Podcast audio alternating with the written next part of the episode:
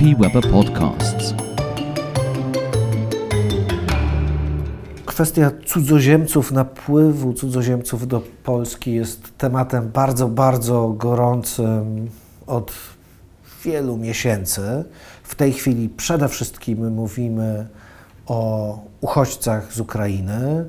W ubiegłym roku było wiele mowy o granicy białoruskiej, a wcześniej o Białorusinach, którzy z powodu politycznej sytuacji u siebie wyjeżdżali do Polski, ale to nie jest cała historia, bo cudzoziemcy w Polsce to też są pracownicy chociażby z Dalekiego Wschodu, a rynek pracy, warunki pracy i ogólnie warunki życia i funkcjonowania cudzoziemców w Polsce cały czas się zmieniają. O tym rozmawiam dzisiaj z Krzysztofem Załupskim, managing partnerem w TIAS. Dzień dobry. Dzień dobry Państwu. I Adamem Smugą, menadżerem Departamentu Immigration w JP Weber. Dzień dobry. Dzień dobry. Zacznijmy może od sytuacji uchodźców z Ukrainy, bo mamy 2,5 miliona osób, które przekroczyły granicę przyjeżdżając do Polski.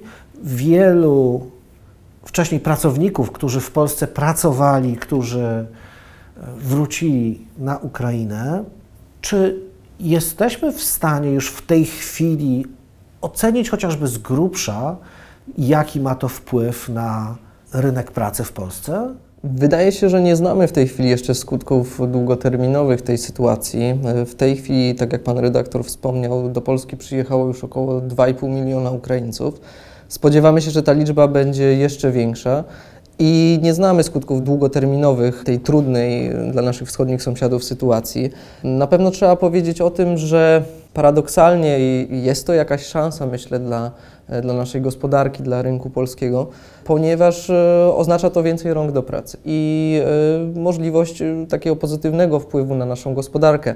Chciałbym zwrócić Państwa uwagę, że do Polski, między innymi z Ukrainy, przyjeżdżają przecież osoby, które prowadziły na terenie Ukrainy firmy, jakieś jednoosobowe działalności gospodarcze, które miały jakieś większe biznesy i które może będą chciały kontynuować tą działalność na terenie Polski.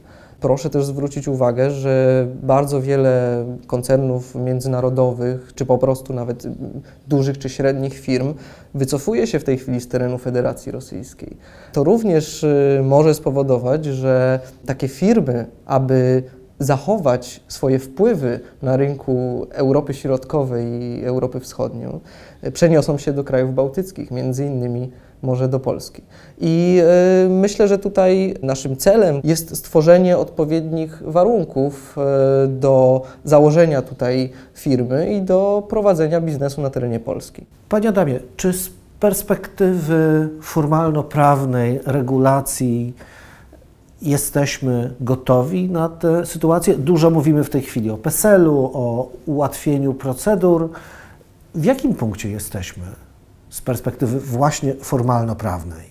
No rzeczywiście jesteśmy w punkcie wyjątkowym. W zasadzie już można powiedzieć, że 2022 rok będzie chyba takim najbardziej dynamicznym rokiem pod względem zmian w ogóle w przepisach e, imigracyjnych, też innych zmian, o których e, powiemy później, no ale też tych dynamicznych zmian, które są reakcją na tą trudną sytuację, z którą e, musieli się zmierzyć nasi wschodni sąsiedzi z Ukrainy. Osoby, które przybyły z Ukrainy dość szybko mogły skorzystać z pewnych pewnych ułatwień. Celowo nie mówię tutaj, nie używam terminu uchodźcy, który się dość popularnie i szeroko pojawia w mediach i jakby powszechnie jest używany, natomiast w prawie imigracyjnym ten termin jest też bardzo e, restrykcyjnie związany z pewną kategorią e, legalizacji pobytu, o którą można wnioskować i rzeczywiście dużo tych przybyszów z Ukrainy chciało wnioskować o status uchodźcy, co my mocno odradzaliśmy, dlatego że on jest związany choćby z tym, że przez pierwszy okres nie można podjąć pracy. Natomiast dość szybko szybko rzeczywiście ustawodawca zauważył ten problem i zareagował w sposób bardzo szeroki. Tu muszę powiedzieć, że w zasadzie te ramy prawne otworzono chyba najszerzej e, pod względem imigracyjnym od 1989 roku na pewno. E, osoby z Ukrainy mogą przebywać legalnie w Polsce przez 18 miesięcy, mogą e, pracować tutaj legalnie. W zasadzie no, nic prostszego dla pracodawców, wystarczy zarejestrować fakt pracy osoby z Ukrainy. I to może ważne, bo nie wszyscy o tym wiedzą, wiedzą, to dotyczy wszystkich obywateli Ukrainy, także tych, którzy już tutaj przebywali wcześniej, czyli nie ma tego rozgraniczenia. Jeżeli ktoś chce zatrudnić obywatela Ukrainy, może to zrobić zwyczajnym zgłoszeniem, nawet post factum tego faktu podjęcia e, pracy, więc e, jest to niezwykle ułatwione i przepisy zmieniają się z dnia na dzień. Ostatnia jeszcze świeża nowelizacja, która w tej chwili została opublikowana, ułatwia w znaczny sposób zakładanie, prowadzenie działalności gospodarczej przez e, osoby z Ukrainy, w zasadzie wnioskowanie o pobyt na tej podstawie. Do tej pory urzędy były zobowiązane dość restrykcyjnie badać, czy ta działalność gospodarcza przynosi zysk, czy ona jest rzeczywiście taką firmą prowadzoną w Polsce i funkcjonującą. E, natomiast w tej chwili do końca roku urzędy są zwolnione z obowiązku tego badania, więc ktoś będzie mógł zalegalizować tutaj swój pobyt tylko na tej podstawie, że chce tu prowadzić działalność gospodarczą. Tak jak pan Krzysztof powiedział słusznie, to są mali przedsiębiorcy, to są e, firmy większe i mniejsze. Nie byłbym tak może optymistyczny względem tych prognoz dla rynku pracy, bo pamiętajmy, że jednak mnóstwo obywateli Ukrainy, mężczyzn wyjechało i to jest znaczny odpływ siły roboczej e, z Polski. Z tym pewnie będziemy musieli się e, zmierzyć, no ale tak naprawdę ciężko przewidzieć, co się będzie działo. Na ten moment dobrze jest wiedzieć, że e, ustawodawca reaguje dynamicznie i w zasadzie te przepisy wprowadzane są absolutnie podstawowym obowiązkiem z perspektywy pracodawcy to jest tak samo jak zatrudnienie w tej chwili Polaka, czyli na przykład jeżeli to jest młody człowiek poniżej 26 roku życia, to jest zwolniony z podatku, e, ZUS i wszystkie inne formalności wyglądają tak samo? Polskie przepisy prawne e, nie operują pojęciem cudzoziemiec. E, w kontekście sposobu opodatkowania przepisy polskie używają pojęcia rezydent i nierezydent oraz obowiązek podatkowy i ograniczony obowiązek podatkowy. E, rezydentem jest osoba, która posiada na terytorium Polski Centrum Interesów Życiowych. To mogą być interesy życiowe zarówno osobiste, jak i, jak i gospodarcze. I do ustalenia tego, czy obcokrajowiec ma miejsce zamieszkania w Polsce i czy jest polskim rezydentem podatkowym, e, bierze się pod uwagę kilka czynników. Przede wszystkim, czy w Polsce znajduje się jego najbliższa rodzina czy prowadzi tutaj stałą działalność, czy na przykład jest zatrudniony na podstawie umowy o pracy lub innej umowy i czy przebywa na terytorium Polski powyżej 183 dni. E, zaznaczam, że nie musi być to pobyt ciągły przez 183 dni. I taka osoba, która posiada status rezydenta podatkowego polskiego, podlega tak zwanemu nieograniczonemu obowiązkowi podatkowemu, czyli opodatkowaniu podlegają wszystkie osiągane przez niego dochody, e, niezależnie od miejsca ich uzyskania i bez względu na to, w jakim państwie taki rezydent uzyskał dochody. Nasza kancelaria y, zajmuje się między innymi badaniem tego, czy dany, dana osoba jest rezydentem podatkowym i czy nie jest rezydentem podatkowym. Jeżeli nie jest rezydentem podatkowym, no to opodatkowane będą tylko te dochody, które cudzoziemiec uzyskał na terenie Polski. I w przypadku cudzoziemców będących polskimi rezydentami obowiązują takie same zasady podatkowe, Poza tutaj dwoma ulgami, jednej w trakcie procedowania, drugiej już, która jest tutaj dostępna do podatników, to obowiązują ich dokładnie takie same zasady podatkowe jak podatników mających polskie obywatelstwo. I myślę, że y, to jest tutaj warte wyjaśnienia.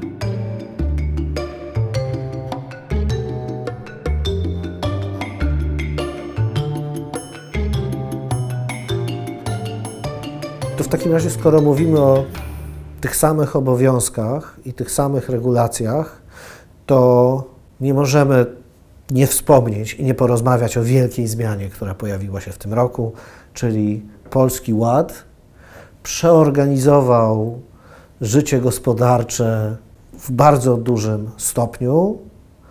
I teraz czy równie mocno zmienił warunki zatrudniania i funkcjonowania rezydentów czy cudzoziemców na polskim rynku pracy, co życie przedsiębiorców e, polskich. Polski Ład jest e, swoistą rewolucją i z tym mm, mierzą się firmy, e, mierzą się e, wspierające ich kancelarie, takie jak choćby TIAS, z którym współpracujemy. Natomiast my jako firma doradcza i tak kompleksowo opiekująca się tymi inwestorami, zagranicznymi firmami, które funkcjonują już w Polsce dłuższy i krótszy czas, widzimy, że rzeczywiście no, ten strach w pierwszej fazie wprowadzania Polskiego Ładu był ogromny i on nie był związany bez bezpośrednio może z cudzoziemcami, ale w ogóle ze sposobem rozliczeń e, pracowników. To, co nałożyło się niejako i o czym też pewnie będziemy mówić szerzej za chwilę, to nowelizacja ustawy o cudzoziemcach, która też jakby dodatkowo trochę zmieniła pewne obowiązki, inaczej rozłożyła ciężary, więc to trochę się nałożyło i wszystkie te zmiany, które na początku roku miały miejsce, trochę są też przez pr- pracodawców kojarzone jako, jako element jednak polskiego e, ładu. W tej chwili już widzimy, że pracodawcy dzielnie stawili czoła e, polskiemu ładowi, starają się do niego dostosować. Natomiast to, czy w zasadzie e, w jaki sposób też te przepisy się będą zmieniać, no to na pewno jest jakiś element niepewności, nie tylko dla tych firm, które zatrudniają cudzoziemców, ale w ogóle dla tych, które muszą się e, rozliczać i chcą to oczywiście robić jak najlepiej. Względem tych przepisów, o których e, wspomniał Pan Krzysztof, ja słyszałem, że jest w Sejmie projekt, żeby jednak zwolnić Ukraińców z e, podatku PIT, żeby oni, ich dochody tutaj w Polsce przynajmniej przez ten pierwszy okres nie były opodatkowane. I to też jest w zasadzie no, projekt na etapie dyskusji pewnie na razie bardziej politycznej niż legislacyjnej, ale e, no jednak coś, co w zasadzie też powinniśmy rozważyć, no bo jednak e, te osoby są w sytuacji, w której ciężko chyba opodatkowywać ich dochód w, takim momencie, w którym no, rzeczywiście te, te osiągane dochody są pewnie przeznaczane na, przez nich na absolutnie podstawowe życiowe potrzeby, no bo oni tutaj przyjechali jednak w znakomitej większości zupełnie z niczym, z jedną walizką, z kilkoma rzeczami. To w zasadzie sytuacja e, no, niewyobrażalna wręcz z naszej e, perspektywy. Zgadza się, tu odniosę się do tego, co pan Adam powiedział. Jest taki na razie pomysł, powiedzmy, który gdzieś jest e, na etapie prac legislacyjnych, aby zwolnić obywateli Ukrainy. E, Zwolnienie to prawdopodobnie ma dotyczyć e, kwoty 85 528 zł, czyli tak zwanego pierwszego progu podatkowego.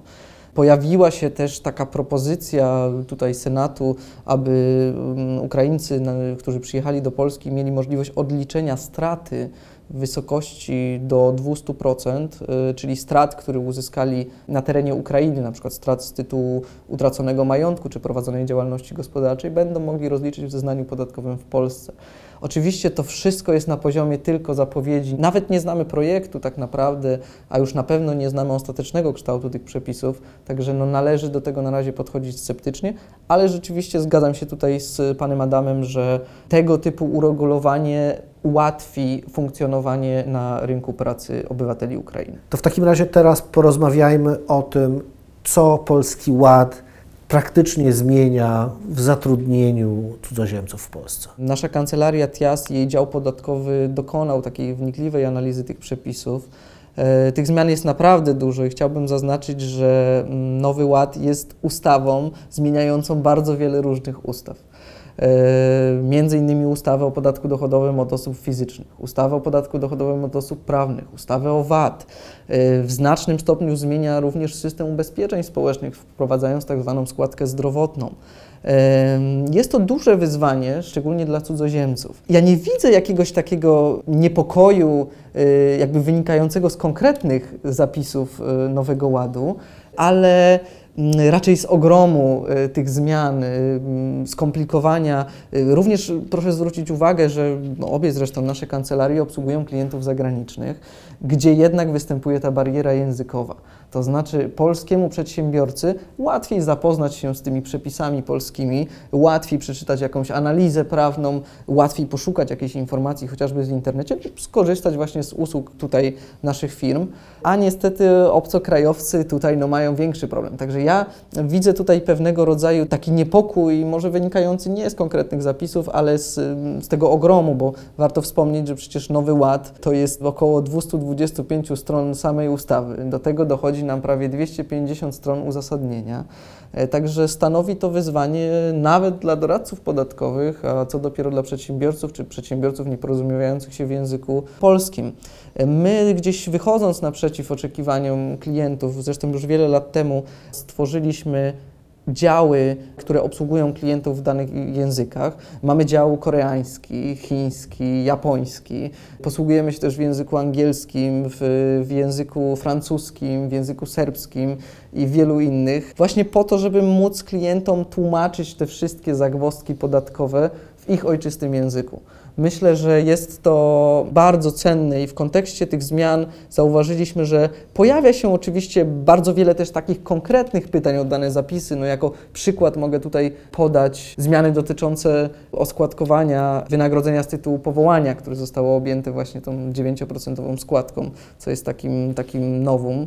Proszę zwrócić uwagę, że jeżeli mówimy o cudzoziemcach, to tak intuicyjnie wydaje nam się, że chodzi tutaj o osoby fizyczne, które gdzieś są zatrudnione na umowę o pracę, na umowę zlecenie.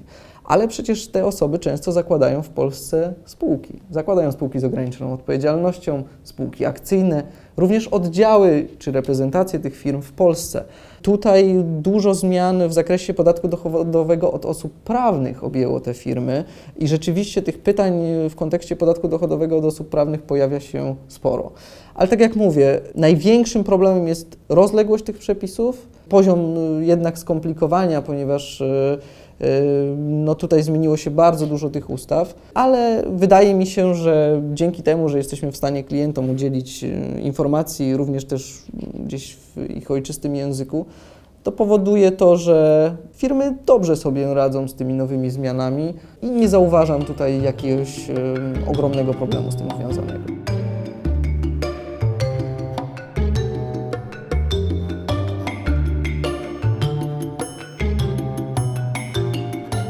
Poziom komplikacji systemu prawnego i podatkowego uważany jest za jedną z barier w rozwoju biznesu. Pan Krzysztof powiedział, że głównym wyzwaniem właśnie jest nie tyle co się zmienia, ale ile się zmienia, a więc de facto mówimy o pojawieniu się poważnej bariery w rozwoju gospodarczym na ile z perspektywy cudzoziemca, który może być osobą fizyczną, ale może być osobą prawną, bo w końcu, tak jak Pan wspomniał, e, cudzoziemcem może być też e, spółka zagraniczna.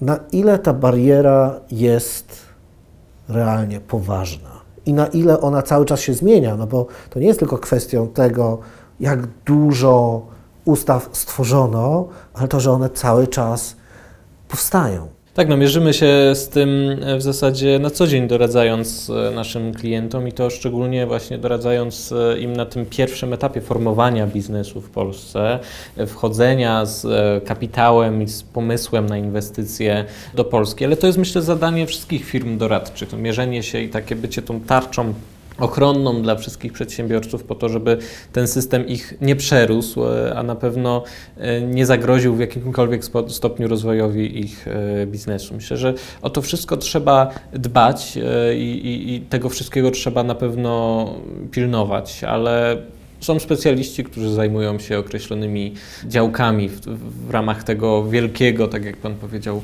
systemu e, przepisów e, prawa i podatkowego, i imigracyjnego i, i różnych innych e, dziedzin, po to, żeby kawałek po kawałku jednak otwierać tym przedsiębiorcom i pokazywać różne możliwości, które wciąż istnieją.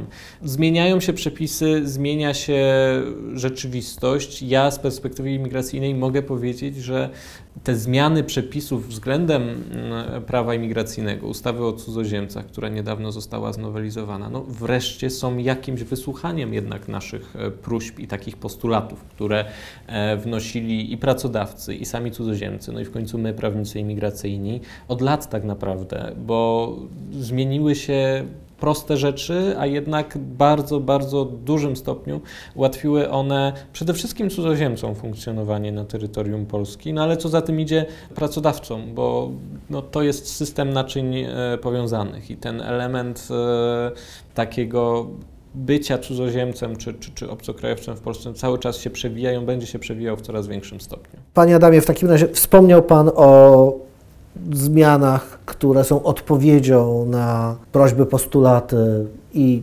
przedsiębiorców, i cudzoziemców. O jakich zmianach, tych najważniejszych przynajmniej mówimy? Przede wszystkim wydłużono możliwość e, pracy na podstawie oświadczenia o powierzeniu pracy. To jest taki uproszczony system legalizacji zatrudnienia obowiązujący obywateli sześciu e, krajów, między innymi też Ukrainy czy Białorusi. On do tej pory był możliwy dla cudzoziemca jedynie na 6 miesięcy, podczas 12 miesięcy, więc 6 miesięcy można było pracować na tym oświadczeniu. Ono jest bardzo proste w funkcjonowaniu, bo je się rejestruje w Urzędzie Pracy. Po tygodniu z takim zarejestrowanym oświadczeniem można rozpocząć e, pracę. Ale 6 miesięcy to jest bardzo krótko. Cudzoziemcy jeździli e, na podstawie tych zarejestrowanych oświadczeń do swoich krajów, do ambasad po wizy. Tam te, te wizy były wydawane no, na kilka miesięcy, więc musieli je odnawiać. Później pracodawcy też mieli problem z tym, bo 6 miesięcy mijało szybko. Teoretycznie można było później złożyć wniosek o zezwolenie na pracę i, i ta legalność była kontynuowana, ale to korkowało urzędy, korkowało ambasady. Wydłużono wreszcie teraz nowelizacją ten okres do 24 miesięcy. No, dwa lata to już jest sporo, a poza tym po tych 24 miesiącach można e, wnioskować o zarejestrowanie takiego oświadczenia raz jeszcze. Więc w zasadzie tutaj e, no, urzędy wojewódzkie odkorkowały się zupełnie z, z obywateli tych sześciu krajów, e, co w zasadzie w znacznym stopniu powinno im pomóc i to już widzimy w, w, urzędach, że e, inne narodowości, które jednak potrzebują tej pełnej procedury zezwoleniowej, e, łatwiej dostają zezwolenia, w zasadzie szybciej, bo urzędy też mogły skoncentrować się na, na nich. Po drugie, zmiany korzystne dla samych cudzoziemców. Wreszcie zmiana pracy podczas posiadania zezwolenia na pobyt nie wiąże się z koniecznością wyrobienia nowego zezwolenia. No, to było bardzo uciążliwe, delikatnie mówiąc, dla cudzoziemca, że on całą procedurę musiał przejść jeszcze raz tylko dlatego, że chce zmienić pracodawcę. No przecież to jest też jego uprawnienie. No, może, może wybierać taką pracę w Polsce, jaką chce. W tej chwili nie ma już tego obowiązku, wystarczy poinformować urząd o tym, że praca została zmieniona. Jeżeli ten dochód jest nadal stały i odpowiednio wysoki, to bez problemu urząd e, zmieni tą decyzję i pozwoli na dalszy legalny pobyt. Szereg zmian też związanych z wydawaniem wiz, związanych e, z ważnością tych wiz. No to wszystko pokazuje, że jednak trochę ustawodawca stara się widzieć te problemy, rozwiązywać je i tak naprawdę pomagać nie tylko cudzoziemcom, ale też samemu sobie, bo jednak system urzędów wojewódzkich wydających decyzje pobytowe i decyzje w, sprawach zezwolenia na pracę był bardzo przeciążony. On pewnie będzie nadal przeciążony, no bo liczba osób, które będą wnioskowały w Polsce o pobyt yy, rośnie. Już w tej chwili czytałem, że w zasadzie Polska w ciągu dwóch miesięcy stała się trzecim na świecie państwem pod względem liczby uchodźców, i tu mówię o uchodźcach w tym międzynarodowym y, znaczeniu tego terminu, i to są zapewne ludzie, którzy będą przynajmniej w jakiejś części, chociaż wszyscy mamy nadzieję, że sytuacja w Ukrainie skończy się dla Ukrainy jak najlepiej, jak najszybciej, to jednak pewnie w jakiejś części to będą osoby, które zostaną tutaj, które też będą stykały się z polskim systemem administracyjnym i ten system musi sobie dać radę, więc musimy się otwierać dalej. Nowelizacja ustawy o cudzoziemcach to jest dobry krok. Takich kroków potrzebujemy więcej, bo inaczej no, utkniemy w miejscu i to cały system e, utknie w miejscu, co będzie miało fatalne skutki nie tylko takie prawne, ale przede wszystkim ekonomiczne. Mówimy o bardzo dynamicznej sytuacji, czyli zmiany, które były. Częściowo sytuacja się poprawiła czy poprawia, ale każdy zawsze ma marzenia, widzi problemy i marzy o rozwiązaniach. Panie Krzysztofie, gdyby miał Pan wskazać albo kierunki, albo rozwiązania z perspektywy Pana praktyki, to co powinno się zmienić? W kontekście podatków i Nowego Ładu mówimy o bardzo wielu zmianach y, dotyczących cudzoziemców, ponieważ oni otrzymując zezwolenie na pracę i podejmując pracę w Polsce, będą podlegali, tak jak już wspomniałem, te przepisy Nowego Ładu. Zmieniło się innymi sposób obliczania składki zdrowotnej. Polsce w tej chwili poza mm, taką pozytywną zmianą, którą było mm, podwyższenie kwoty wolnej od podatku, dlatego że do końca roku 2021 wynosiła ona 8 tysięcy złotych, a od 1 stycznia 2022 roku wynosi 30 tysięcy złotych, to do tego należy wziąć pod uwagę, że została doliczona jeszcze składka zdrowotna. Zmianę dotyczącą podwyższenia kwoty wolnej od podatku na pewno trzeba ocenić pozytywnie. Ta kwota 8 tysięcy była niezwykle niska w porównaniu z y, państwami mm, europejskimi, ale zresztą nie tylko europejskimi, kwota 30 tysięcy jest na pewno już mm, znacznie korzystniejsza dla, dla podatników. Co to w praktyce oznacza? Oznacza to, że do kwoty 30 tysięcy, e, oczywiście nie ze wszystkich źródeł dochodu, ale w kontekście cudzoziemców zatrudnionych na umowie o pracę w Polsce, oznacza to, że do 30 tysięcy złotych taka osoba w ogóle nie zapłaci podatku dochodowego. Dopiero od nadwyżki powyżej 30 tysięcy złotych, jeżeli opodatkowanie jest na skali podatkowej, a tak jest w przypadku umowy o pracę, to do kwoty 85 528 zł będzie opodatkowany stawką 17%, a dopiero następnie stawką tą drugą progu podatkowego 32%. Także tą zmianę na pewno ocenić trzeba jako pozytywną i wydaje mi się, że tutaj z, z, mojej praktyki mm, mogę powiedzieć, że wszelkiego rodzaju takie ulgi podatkowe i możliwość, aby i w kieszeni pracodawcy i w kieszeni pracownika zostało więcej pieniędzy, należy oceniać pozytywnie. W mojej ocenie mm, takich zmian jest nam potrzebnych jeszcze wiele. A poza tym no, mam takie marzenie, nie wiem czy ono jest w ogóle do spełnienia, ale mimo tego, że tutaj nasze firmy by miały mniej pracy, no to marzy mi się jednak, żeby te przepisy zostały uproszczone, żeby tych zmian nie było tak wiele, bo zapewne Państwo słyszeli już, że no przecież nowy ład wszedł nam 1 stycznia, a prawdopodobnie 1 lipca wejdzie nam nowy, nowy ład i zapomnimy o nowym, starym ładzie. Tych zmian jest naprawdę dużo i jeżeli miałbym e, wskazać jakiś kierunek tutaj ze swojego doświadczenia pracy z przedsiębiorcami, również z firmami zagranicznymi, którym te, te, te zmiany podatkowe sprawiają e, spore problemy, to mimo tego, że prawdopodobnie mielibyśmy mniej pracy tutaj jako, jako firmy doradcze, to chciałbym, żeby te przepisy zostały jednak uproszczone i żeby te przepisy nie zmieniały się tak często, ponieważ no, wprowadza to duże zamieszanie na, na rynku i no, pewnego rodzaju tutaj niepokoje, szczególnie właśnie w kontekście firm zagranicznych. Sytuacja jest bardzo dynamiczna. Możemy sobie życzyć, żeby przepisy pewnie nie zmieniały się tak szybko i były bardziej stabilne, może prostsze. Najprawdopodobniej uproszczenie przepisów wcale nie będzie oznaczało mniejszej ilości pracy dla kancelarii prawnych, bo po prostu klientów będzie więcej i e, wbrew pozorom mniej pracy przy jednym kliencie może oznaczać i tak większy obrót dla firm i zysk i korzyści dla całej gospodarki, czego zapewne wszyscy sobie życzymy. Dziękuję bardzo. Moimi rozmówcami byli Krzysztof Załupski, managing partner w TIAS i Adam Smuga, manager Departamentu Immigration w JP Weber. Dziękuję bardzo. This podcast was made for JP Weber by Free Range Productions. Honest Audio.